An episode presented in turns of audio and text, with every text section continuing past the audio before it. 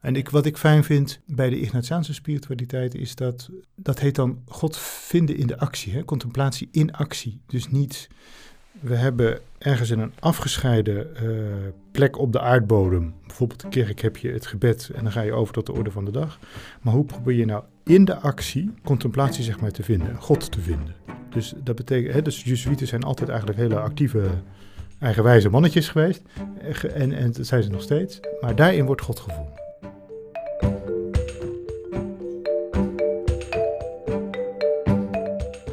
Erik Holterhuis bekleedt al jaren topfuncties in de financiële sector. Wat hij ook al jaren doet, is iedere ochtend de mis in de kerk bij hem om de hoek bijwonen. Dat zijn voor hem geen gescheiden werelden. Tenminste, dat leerde hij van Ignatius. En dit inzicht was voor Erik een soort ommekeer in zijn leven, een bekering.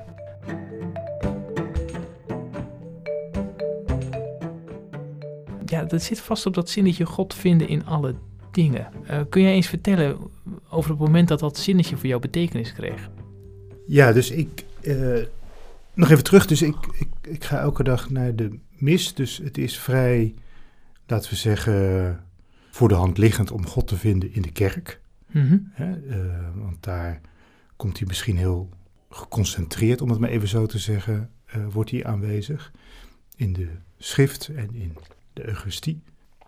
Maar ik denk zeker in geseculariseerd Nederland, waar die kerken verdwijnen, was het voor mij inderdaad wel een eye-opener. Eigenlijk de spreuk van de Jezuïeten, wat actiever vertaald. Hè? Dus de spreuk van de Jezuïeten is aan God de hoogste eer, aan ad majorem Dei gloriam.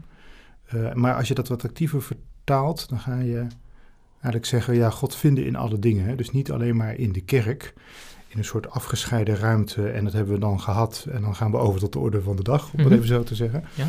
Uh, maar ook proberen om God gedurende die dag in, in alle dingen te vinden. Dus dat verbreedt, denk ik, je mogelijkheden om God te ontmoeten, om het toch maar even zo te zeggen. Nou, en hoe doe je dat dan?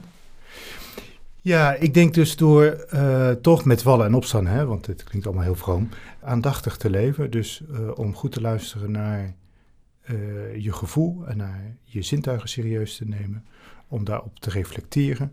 Dus Ignatius heeft het over het, het levensgebed, dus eigenlijk elke dag, en zelfs eigenlijk twee keer per dag, reflecteren op waar zat je nou, laten we zeggen, op de goede stroom. Dus waar voelde je dat je haast ook zou zeggen in moderne taal lekker bezig was. Dus dat je ook een eenheid had van hart uh, en van hoofd. Uh, en waar voelde je nou dat je daarvan afging? En zou het nou zo kunnen dat daar waar je voelde dat je uh, de goede golflengte zat, dat daar ook God te vinden is? En, en doe je dat dan, uh, hoe doe je dat? Nou, dat doe ik aan het einde van de dag, wanneer ik nadenk over wat is er nou eigenlijk de afgelopen dag gebeurd. En dat bestaat dus eigenlijk altijd uit een aantal elementen. Kijken van waar zat ik op de goede golflengte. Kijken waar zat ik eigenlijk niet op de goede golflengte en daar vergeving voor vragen.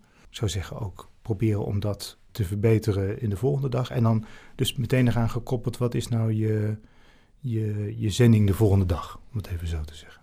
En wat is dan dat, uh, en hoe zie je dan of je God hebt ontmoet?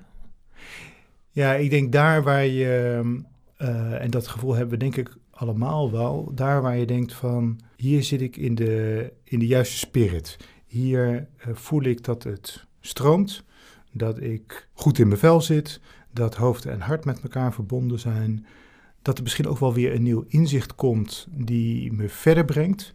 Mhm. Zo, ik denk dat, daar, dat je op die momenten God vindt. En hoezo noem je dat dan God? Omdat ik denk dat God staat voor het goede. Dus voor, voor het goede, voor harmonie, voor eenheid van, van hart en van uh, verstand.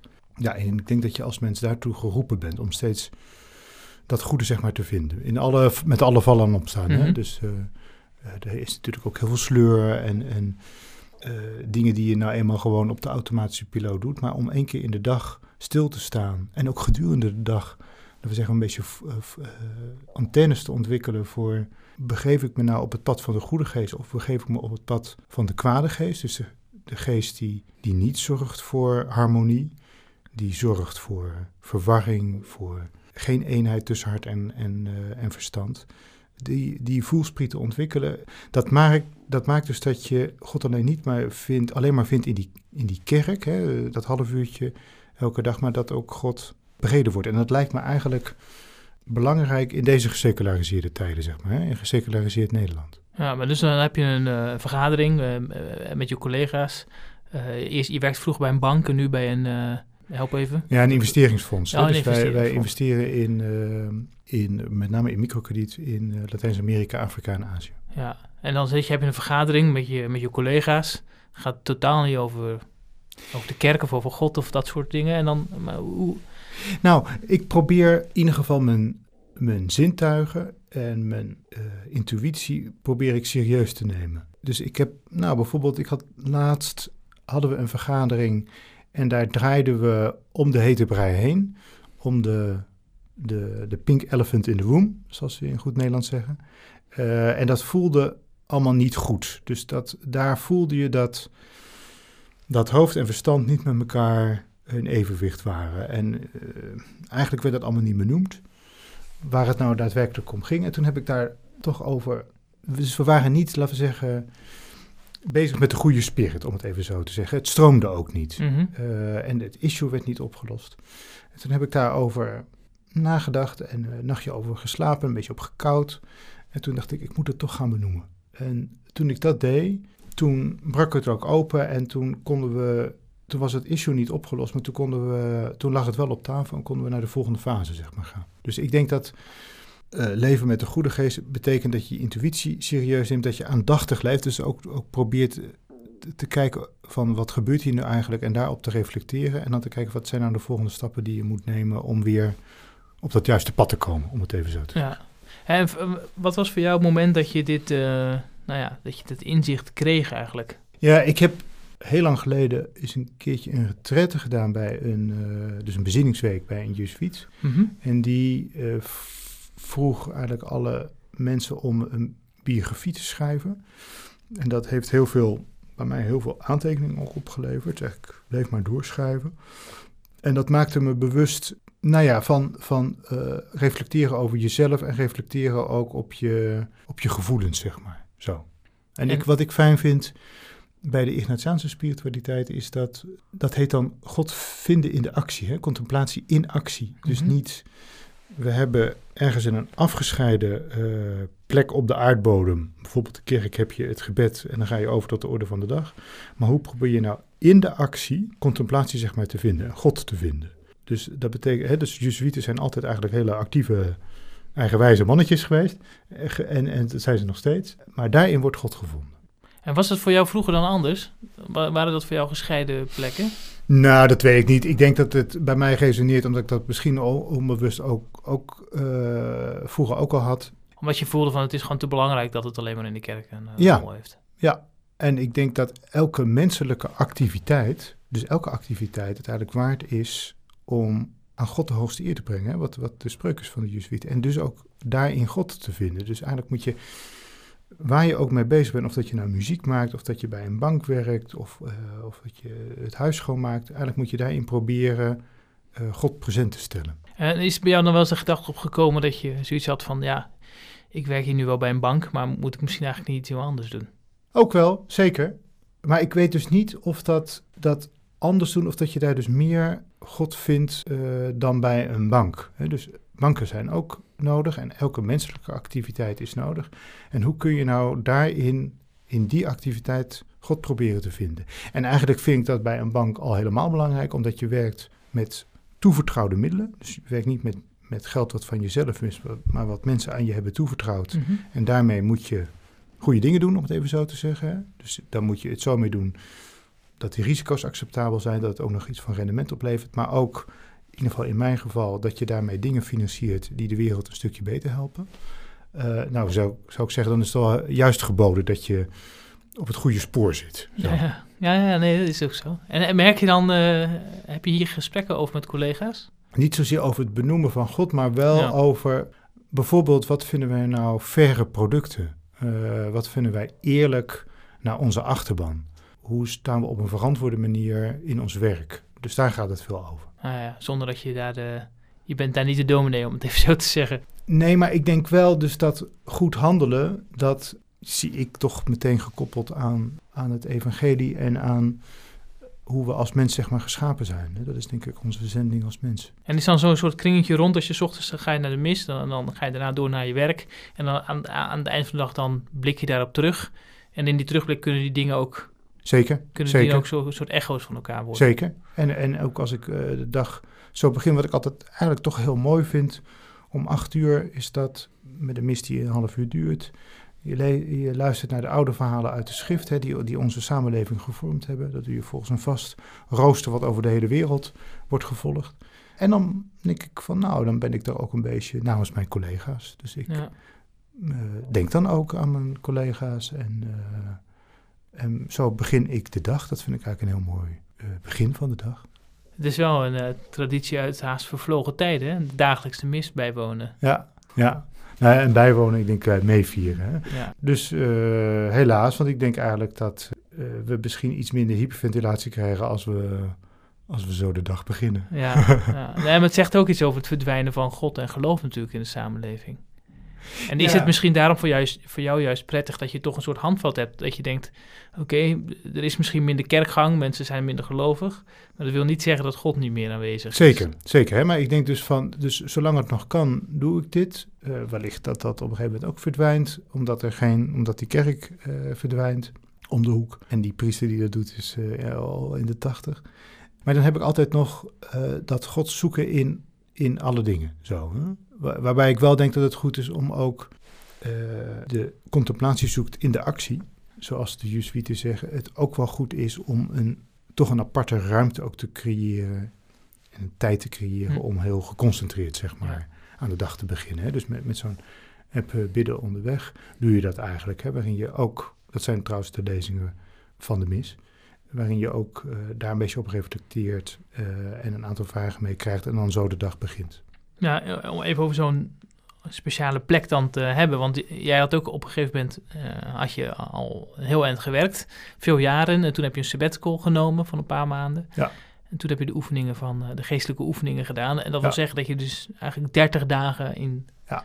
retraite bent geweest. Kun je daar iets over vertellen waarom je dat hebt gedaan, Ja. hoe je dat hebt beleefd? Nou ja, dus, die, eh, dus ik had eh, dus ooit eens die uh, retraite gevolgd bij, eh, bij een Jesuit. En toen kwam ook het idee op om die, eh, die oefeningen van Ignatius te doen. En ik heb zeg maar halverwege mijn carrière en halverwege hopelijk mijn leven, heb ik, eh, kon ik drie maanden sabbatical nemen. En toen, heb ik, toen dacht ik van dat is eigenlijk een mooie kans om die oefeningen te doen. Om die 30 dagen te doen. Dat zijn de klassieke retraite. Hè? Dus dat, dat begint met een week, een soort voorbereidende week. Uh, dan volg je het leven van Jezus hè, vanaf het begin, zijn, zijn openbaar leven, zijn lijden en zijn sterven. Dat, uh, zijn lijden en sterven, dat is in de derde week. En dan de vierde week is verrijzenis en zending. En je koppelt eigenlijk jouw leven aan het leven van Jezus. Hè. Dus we, hebben, we zijn allemaal, allemaal ergens geboren. We hebben allemaal een context. We hebben allemaal een publiek optreden. Maar we komen tegelijkertijd ook allemaal lijden tegen en sterven aan dingen. We komen lijden tegen omdat we met ons karakter opbotsen tegen mm-hmm. dingen of omdat in de, in de context allerlei dingen gebeuren. En zou het nou zo kunnen dat je, als je daar doorheen gaat, verrijzenis ervaart en ook een zending daarna. En ik heb dat gedaan omdat ik dacht van, ik zou eigenlijk, als het goed is, midden in mijn leven. En het is goed om terug te blikken op, zoals ze daar zeiden, your life so far. En ook vooruit te blikken van, is nou, wat is nou, laten we zeggen, de zending in de tweede helft, om het, om het even zo te zeggen. Dus, nou, ik zat, ik helemaal niet in een midlife crisis, maar je zou eens kunnen zeggen, uh, midden in je leven is het eigenlijk wel goed om zo'n periode, ook uh, luxe, om zo'n periode van rust te nemen. En vooruit te blikken oh, uh, op van, nou, wat is nou, hoe, hoe waardeer ik dat nou? Waar zat ik op het goede spoor en waar zat ik op het slechte spoor? En wat is nou mijn roeping daarna? Ja. En dat was dan 30 dagen. Was het, hoe kijk je daarop terug? Was dat uh, een hele rijke periode of was dat misschien ook een lastige periode? Allebei.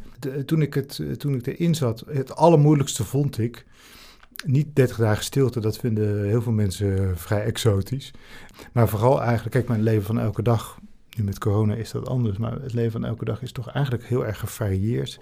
Dus ik heb veel afspraken en ik reis veel en de scenery is steeds verschillend. En daar zit je 30 dagen op uh, dezelfde compound en uh, elke dag is hetzelfde. Dat vond ik eigenlijk het allermoeilijkst. Maar ik, het is ook wel een periode waar ik af en toe met een soort heimwee naar terugkijk, omdat het, omdat het een periode was waarin je jouw leven koppelde aan het leven van Jezus.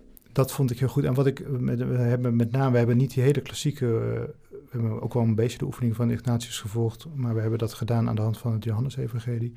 En wat me daar met name trof, is dat, zo keek ik er uh, naar, dat in het, in het Johannesevangelie mensen constant langs elkaar heen praten. Dus er is het verhaal van de vrouw bij de put, die uh, aan Jezus vraagt water aan haar en die, praat eigenlijk glad langs elkaar heen.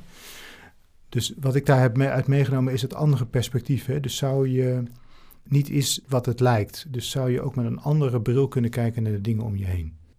Ik kijk daar en eh, ik zit daar nog steeds. Dus het was eigenlijk best wel een heftige periode van 30 dagen. Ik, ik ben daar nog steeds wel een beetje op aan het kouwen wat, wat het me heeft gebracht, zeg maar zo. En die andere bril, hoe merk je dat dan? Is dat iets wat je, wat je hebt kunnen oefenen na die tijd? Nou, bijvoorbeeld, waar we het net over hadden, die in Nederland verdwijnen de kerken. Dat vind ik jammer, want ik vind dat plekken die je kunnen helpen om God te ontmoeten. Maar wat ik, uh, dat God vinden in alle dingen en God vinden uh, in de actie, dat is een van de zaken die me, uh, die me hebben gestimuleerd bij die 30-daagse. En waardoor ik op een andere bril kijk naar bijvoorbeeld secularisering en het verdwijnen van de kerken. Dat vind ik jammer en dat moeten we haast bestrijden, maar het is niet het einde van de wereld of zo. Dus dat is die andere bril bijvoorbeeld. En hoezo is dat niet het einde van de wereld? Omdat ik denk dat er ook andere uh, mogelijkheden zijn om God te vinden in alle dingen.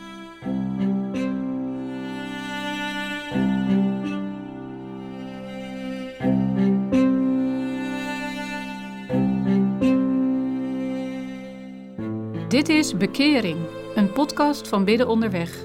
Journalist Rick Timmermans gaat met zes mensen in gesprek over hoe de Ignatiaanse spiritualiteit hen geholpen heeft meer christen te worden. Deze podcastserie is gemaakt naar aanleiding van het boek Bekering Ignatius van Loyola en twaalf mensen van vandaag. In deze bundel biedt Jezuïet Dries van den Akker een moderne hervertelling van het indrukwekkende bekeringsverhaal van Ignatius. Daarnaast vertellen twaalf mensen van vandaag het verhaal van de bekering die Ignatius mogelijk maakte in hun leven. Het boek is online en bij de plaatselijke boekhandel te koop.